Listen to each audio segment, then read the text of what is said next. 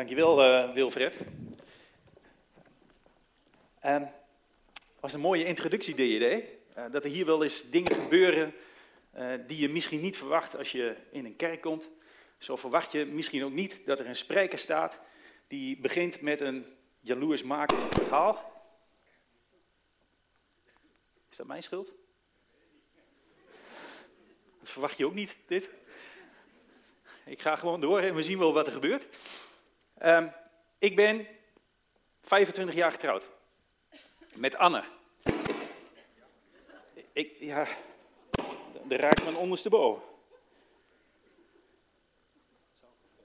Nu zou het goed moeten zijn. We gaan het gewoon proberen. 25 jaar getrouwd. Met Anne, die mooie brunette die hier net uh, de sterren van de hemel zong en dat straks ook nog weer gaat doen. En omdat wij 25 jaar getrouwd zijn, zijn wij op vakantie geweest met ons gezin. Drie kinderen, vier kinderen bijna, want uh, er gaat er eentje trouwen. En om dat 25 jaar huwelijk van ons te vieren, zijn we nog een keer als gezin weg geweest op vakantie in december naar Zuid-Afrika. En een weekje naar Zanzibar. Zuid-Afrika, schitterend. Er zijn er twee weken geweest. Wat is dat? Een ontzettend mooi land. En daarna nog een week naar Zanzibar. Hoe gek kun je het maken? Um, Zanzibar viel ons een beetje tegen. En ik wil echt niet ondankbaar klinken, want het is fantastisch geweest wat wij hebben mogen meemaken en wat we hebben mogen doen als gezin. Maar als je gaat naar een eiland waar iedereen enthousiast over is, waarover wordt gesproken als een bounty-paradijs. Als je landt, heet de pilootje welkom in het paradijs. En je komt erachter dat 95% van dat eiland armoede is. En dat dat bounty-paradijs zich beperkt tot een hele smalle strook langs de kust. Waar de decadent rijke resorts en hotels zitten. Dat vonden wij lastig. Het is lastig om het een te verenigen met het ander. Jouw rijkdom, jouw geld uitgeven, jouw genieten en letterlijk aan de andere kant van de muur van het hotel de armoede. Maar goed, wij waren daar op vakantie, dus wij zouden ook vakantie vieren en we gingen ook dingen doen. En op een dag gingen we naar Stone Town. Uh, de stad om daar winkeltjes te bezoeken. En er was maar één manier om daar te komen, met een taxi. Taxi geregeld en op de afgesproken tijd lopen wij naar de parkeerplaats van het hotel. En daar staat inderdaad de taxi te wachten. Prima busje en een hele enthousiaste kerel met raste haren. En zegt, hello, welcome, I am African Boy. Bijzondere naam, African Boy, I'm Nick, nice to meet you. En hij doet zijn auto open, ga maar zitten. En we komen in die auto en die is versierd aan de binnenkant met tierenlantijntjes.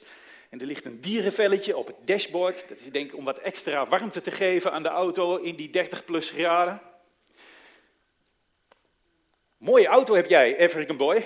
Ja, ja, ja, African Ferrari. Oké, je kunt dan alles een mooie draai geven. We rijden de poort uit. En de poort uit betekent, ja, iets op. Wat je Zandweg zou willen noemen. Maar Zandweg is echt een te goede naam voor het gehobbel wat ons te wachten stond. Twee kilometer tot aan de hoofdweg, die dan nog redelijk geasfalteerd is. Kuilen, bulten, keien, daar moeten we overheen. Stapvoets rijden is echt niet haalbaar, dus het gaat heel langzaam en we schudden alle kanten op. Dus ik zeg tegen onze African boy, het hobbelt wel flink hè? Ja, ja, ja, ja, African massage. En zo weet die kerel aan alles een positieve draai te geven. Maar als we onderweg zijn op de hoofdweg naar Stone Town, dan vertelt hij toch wel dat het leven op Zanzibar niet altijd zo gemakkelijk is. En dat hij liever wat meer geld zou hebben dan al die schildpadden waar die toeristen naar komen kijken. Dat hij een droom heeft, dat hij naar Canada wil, om daar een toekomst te kunnen geven aan zijn twee kleine meisjes. Zo begrijpelijk. Wat zal deze African boy vaak gedacht hebben? Sometimes I just can't take it. Sometimes I just can't take it and it isn't alright. I'm not gonna make it. I think my shoes are untied.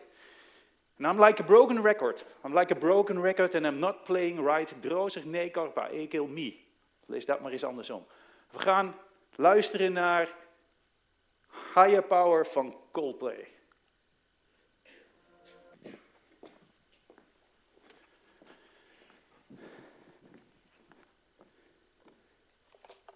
Vanuit de positie waarin de hoofdpersoon in dit nummer niet lekker in zijn vel zit, I just can't take it, krijgt hij over een heavenly phone het advies om vol te houden. Hold tight, come on. En dat advies komt van iemand die een higher power heeft. En die joy geeft, vreugde.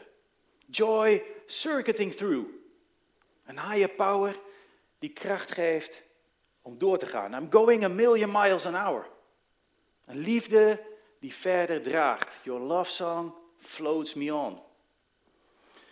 Toen ik op zoek was naar een nummer en bij dit nummer aankwam, moest ik denken aan een tekst die Petrus heeft geschreven in de Bijbel. Petrus is een van de twaalf discipelen, van de twaalf leerlingen, die drie jaar lang met Jezus door Israël is getrokken. En Jezus heeft hen geleerd dat geloven niet gaat om het houden van wetten en van regeltjes, maar dat geloven gaat om aandacht hebben, liefdevolle aandacht hebben voor je omgeving, voor de mensen om je heen. Liefdevolle aandacht voor God. En hij geeft zijn twaalf discipelen aan het eind van zijn bestaan op aarde, nadat hij is gekruisigd, gestorven, begraven en weer is opgestaan, de opdracht om erop uit te gaan en die boodschap van liefde bekend te maken in de wereld. En zo gaat Petrus erop uit, reist rond van stad naar stad en hij sticht kerken. En als hij verder trekt, dan houdt hij contact met die kerken door ze brieven te schrijven. En een van die brieven staat in de Bijbel, er staan meerdere. De eerste brief van Petrus die in de Bijbel staat, daar staat dit. Daar wil ik met jullie uit gaan lezen. Vraag je voor uh, productie? Ik zie toch niks op mijn schermen. Kan dat geregeld worden? En anders dan lees ik het daar wel als nodig is. Van Petrus, apostel, dat is gezondene van Jezus Christus.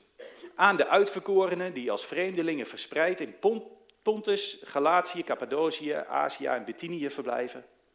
Door God de Vader voorbestemd om geheiligd door de Geest gehoorzaam te zijn aan Jezus Christus en met zijn bloed besprenkeld te worden. Genade zij u en vrede in overvloed. Geprezen zij de God en Vader van onze Heer Jezus Christus. In zijn grote barmhartigheid heeft Hij ons opnieuw geboren doen worden door de opstanding van Jezus Christus uit de dood, waardoor wij leven in hoop. Er wacht u, die door Gods kracht wordt beschermd, omdat u gelooft in de hemel een onvergankelijke, ongerepte erfenis die nooit verwelkt. U ziet de redding tegemoet, die aan het eind van de tijd zeker geopenbaard zal worden. Verheug u hierover, ook al moet u nu tot uw verdriet nog een korte tijd allerlei beproevingen voortduren. Zo kan de echtheid blijken van uw geloof, zoveel kostbaarder dan vergankelijk goud, dat toch ook in het vuur wordt getoetst. En zo verwerft u lof, eer en roem wanneer Jezus Christus zich zal openbaren. U hebt hem lief zonder hem ooit gezien te hebben en zonder hem nu te zien, gelooft u in hem en ervaart u een onuitsprekelijke hemelse vreugde, omdat u, aan het, omdat u het einddoel van uw geloof bereikt, uw redding. Best een pittig stukje. En ik zou willen beginnen met eerst even te schetsen ehm, hoe die brief een beetje tot stand is gekomen. In wat voor tijd? Want Peter schrijft die brief als hij in Rome is. Ongeveer 60 jaar na Christus. En in die tijd is keizer Nero aan de macht. En keizer Nero is geen lievertje. En dat is heel zacht uitgedrukt. Hij vermoordde zijn eigen moeder. Hij vermoordde zijn eerste vrouw. Hij vermoordde waarschijnlijk ook zijn tweede vrouw. En er zijn veel geschiedschrijvers die van hem geloven dat hij zelf de stad Rome in brand heeft gestoken. Uh, we weten dat er in 64 na Christus een hele grote brand heeft gewoed in Rome. Zes dagen lang duurde die brand. Toen dachten ze dat ze hem onder controle houden, maar het laaide nog op. En duurde nog drie dagen. En men denkt dat Nero dat heeft gedaan. Dat dachten ze toen ook al, want Nero wilde heel graag bouwen. Die wilde eigenlijk Rome opnieuw opbouwen. Maar daar kreeg hij geen toestemming van van de Senaat. En toen er een beetje in zijn richting werd gewezen, dat kwam hem natuurlijk niet uit. Dus hij leidde de aandacht af. En hij probeerde die te vestigen op een groep toch al niet geliefde mensen van die, van die Jezusvolgers. Christenmensen, van die christenen. En dat leidde tot een ernstige, heftige vervolging van die christenen. Als Nero ze te pakken kreeg, sloot hij ze op in een kooi, omkleed met dierenvellen, om daar vervolgens wilde honden in los te laten. En terwijl hij aan zijn wijn aan het sippen was, hadden de honden te eten. En hij liet ze onderdompelen, die christenen, in gloeiend hete wax, om ze vervolgens levend aan een boom te binden en aan te steken als verlichting van zijn feesten. Het is te erg om over na te denken. Wat zullen die mensen vaak gedacht hebben? I just can't take it. En in deze tijd, met deze verschrikkingen, waar Petrus ongetwijfeld weet van heeft, schrijft hij deze brief. En ik denk dat die brief ook wat voor ons te zeggen heeft. Te zeggen heeft. Ik denk voor, voor twee groepen mensen. De eerste groep mensen, dat zijn de mensen die het moeilijk hebben, die het zwaar hebben in het leven, bij wie het tegen zit. Financieel, vanwege ziekte, uh, wat voor reden dan ook, bij wie het niet lekker loopt. En de tweede groep mensen, dat zijn de mensen die op enig moment in hun leven te maken krijgen met moeilijkheden. En ja, ik denk dat we dan wel ongeveer bij ons allemaal zijn, want voor wie loopt het leven van A tot Z van een leien dakje? En ik denk dat Petrus ons iets te zeggen heeft met deze woorden. Zo begint die brief. Van Petrus, apostel van Jezus Christus, aan de uitverkorenen die als vreemdelingen verspreid in het gebied dat nu ongeveer Turkije is, uh, verblijven. Het Griekse woord dat hier gebruikt wordt voor vreemdelingen, dat kun je ook vertalen met, met buitenlanders of buitenstaanders. En wat Petrus eigenlijk wil zeggen hier, is dat als je gelovig bent, dat als je Jezus wilt volgen, je eigenlijk een beetje een vreemde snuiter bent. Een buitenstaander. Dat je niet van deze wereld bent waarin je nu leeft, maar dat je onderweg bent naar een hemelse toekomst. Naar een hemelse toekomst waar je straks zult komen en waar je de levende God zult gaan ontmoeten. Hier ben je maar tijdelijk. Just visiting this planet. En misschien, hè, misschien ehm, volg je de challenge of ben je op andere manieren in aanraking gekomen met christelijk geloof en ben je daarom hier en voel je dat er ergens een keer zo'n kruispunt aan zit te komen. Of je staat er al op van ga ik nou, ga ik nou Jezus volgen? Ga ik mezelf nou christen noemen? Of ga ik dat niet doen? Want je voelt wel aan dat als je dat gaat doen, dan een beetje, een beetje een vreemde snuiter. Dan zit je omgeving toch een beetje naar, te kijken, naar je te kijken van hoe dan? Hoe kun je je vertrouwen stellen op een God die je niet kunt zien? Maar in die boodschap van vandaag wil Petrus ons laten zien dat als jij in moeilijke tijden zit, als je te maken hebt met uitdagingen, drozer nekorp aegelmi, als je te maken hebt met problemen, dat je een ander soort geloof kunt hebben. Dat je het vertrouwen vast kunt houden. Denk eraan aan wie Petrus deze brief schrijft, in wat voor situatie. En dan zegt hij dit. Verheug u hierover. Het is bijna, hoe dan? Verheug u hierover. Ook al moet je nog een korte tijd beproevingen verduren.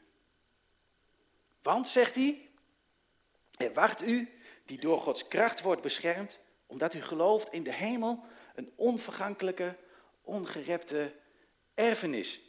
Hij zegt dus van hou nog even vol, hold tight, come on, en wees er blij over. Troos nekorp ekelmi, maar ik ben er blij om.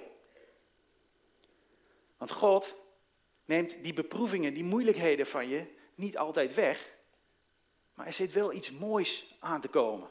Zo verwerft u lof, eer en roem. Wanneer Christus zich zal openbaren. Want, en dat is dan mijn vertaling, you've got a higher power. You got me singing every second, dancing any hour. En die beproevingen, die moeilijkheden, die komen niet van God. Die komen van de tegenstander van God, van de duivel. En die brengt beproevingen op ons pad. In een poging om ons van God af te keren. Uh, die duivel die wil dat we God de rug toekeren. Omdat God niet doet wat wij graag zouden willen. Maar ik denk juist als we ons richten op wie God is, en niet zozeer op wat God wel of niet voor ons zou doen, dan komen we boven die beproevingen te staan. Als je probeert je te realiseren dat iedere dag opnieuw een gave is van God, dat Hij iedere dag opnieuw jou omringt met zijn liefde, dan raken die beproevingen ons minder. Van binnen. Dan zijn de gevolgen misschien nog steeds wel net zo erg, maar het doet wat minder met je. Het raakt je minder. Je raakt er minder van doorslag, van verslag. Omdat je weet wie God is. Omdat je weet wie jij mag zijn in Gods ogen. Zijn geliefde kind. En dan wordt zo'n beproeving misschien zelfs soms een manier om het kwaad te overwinnen. Om de higher power die ook jij in je hebt door de Heilige Geest te laten werken. Ik weet van mensen hier in de zaal dat ze door hele zware beproevingen zijn heen gegaan. Dat ze de dood in de ogen hebben gekeken. Dat ze daar doorheen zijn gekomen. En ik weet ook van die mensen dat hun geloof is versterkt. Dat ze zullen beamen dat ze God nu nog meer vertrouwen. Nog meer van Hem zijn gaan houden. En meer nog, zich nog beter realiseren hoeveel God van, hem van hen houdt. Zij zullen beamen that you've got higher power. Got me singing every second, dancing every hour. Oh yeah, you've got a higher power. And you're really someone I want to know. In vers 8 gebruikt Petrus hele krachtige taal om dit duidelijk te maken. U hebt hem lief zonder hem ooit gezien te hebben. Zonder hem nu te zien gelooft u in hem en ervaart u een onuitsprekelijke hemelse vreugde. Een hemelse vreugde. Een vreugde die alleen maar kan komen uit de hemel zelf. Onuitsprekelijke vreugde. We hebben er geen woorden voor. We weten niet hoe we moeten omschrijven. Ons menselijke vocabulaire is niet in staat om te beschrijven wat voor vrede dat is. Die hemelse emotie die rust geeft aan onze ziel, die onze gedachten kalmeert, die een vrede geeft, die ons menselijk bevattingsvermogen te boven gaat. This joy is electric. This joy is electric and circuiting through. I'm so happy that I'm alive. Happy I'm alive. At the same time as you. Kun je altijd blijven zingen. Zelfs als je lijdt, als je verdriet hebt, als het donker is om je heen, dan kun je die onuitsprekelijke vreugde ervaren, zegt Petrus. Omdat u, zegt hij, het einddoel van uw geloof bereikt. Oh, het stond er al. Omdat u het einddoel van uw geloof bereikt. Het einddoel. De prijs aan het einde van de strijd. De redding van je ziel. Dat je naar de hemel mag gaan. Dat je bij God mag komen. Dat is wat het evangelie echt is. Dat is het goede nieuws van wie Jezus is. Daar kun je altijd naar kijken. Je kunt altijd kijken naar wat er straks voor jou klaar ligt. Ehm, ik zei net dat ik 25 jaar getrouwd was. Dat is niet zo. 27,5 jaar. Wij hebben drie jaar moeten wachten op onze vakantie. Want we hadden hem gepland, toen kwam COVID tussendoor. In al die tijd wisten we, we gaan nog een keer. En die laatste paar weken voordat we eindelijk zouden gaan, afgelopen december, die gingen zo langzaam. Het duurde zo lang. En we moesten ons werk blijven doen. En er waren nog allerlei activiteiten die moesten gebeuren. En het ging niet zo goed met mijn schoonvader. En dat maakte het moeilijk.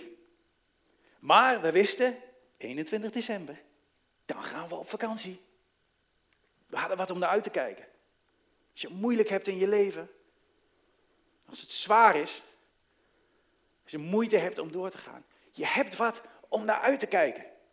Want die dag dat jij in de hemel zult komen, bij de levende God, dat je Jezus in de ogen zult kijken, die dag komt dichterbij. Dat de pijn weg zal zijn. Dat je volledig geliefd zult zijn en je volledig geliefd zult weten. Het goede nieuws betekent niet dat God de pijn van je weg zal nemen. Dat hij ons zal sparen voor beproevingen en moeilijkheden. Dat heeft God nergens beloofd. Het goede nieuws is dat hij de redder is van je ziel en je zonde vergeeft en dat je daarom iets hebt om naar uit te kijken. En dan moet je niet denken dat dat niet voor jou is weggelegd.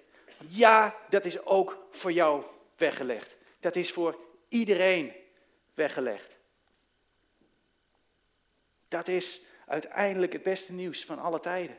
Because you've got a higher power. Got me singing every second, dancing every hour. Yeah, you've got a higher power. You're really someone I want to know. Doordat je dat weet, doordat je daarop kunt vertrouwen, daardoor krijg je een rust, een vrede in je. Een macht van God zelf. Van de schepper van hemel en aarde. Een macht die niet te begrijpen is. In de vorige dienst had Wilfred het over This is me. Waar ontleen jij je identiteit uit? En hij zei toen, je identiteit wordt voor een deel bepaald door mensen om jou heen aan wie jij waarde hecht. En daarom is het zo belangrijk dat je God, dat je Jezus op waarde schat. Dat je weet hoe geliefd jij bent door Hem. Want als je je richt op God, als je je richt op Jezus in al je omstandigheden, dan kun je ook die vrede, die onuitsprekelijke, onuitsprekelijke rust ervaren. Hoe je dat kunt doen? Door in al je omstandigheden jouw liefde vast te houden. Voor jouw omgeving, ook als die niet goed voor jou is. Liefdevol je richten op je omgeving. Liefdevol je richten op God. Was dat misschien ook het geheim van die vrolijkert, African boy? Die aan zijn spiegeltje een tierenlantijntje had hangen. God bless you. Hij was ook een christen. En het schepte een band voor in die auto. Zou dit zijn geheim zijn geweest? Dat hij die vrede, die rust ervoer. En daarom, ondanks zijn omstandigheden waarvan wij dachten van... dat hij toch altijd vrolijk was. Ik zou jullie willen zegenen. Zegenen is je iets goeds toewensen, iets goeds toebidden. En ik wil dat doen, niet precies met deze tekst, maar wel naar aanleiding hiervan. Ik bid jullie toe, ik wens jullie toe, dat je hart verlicht wordt.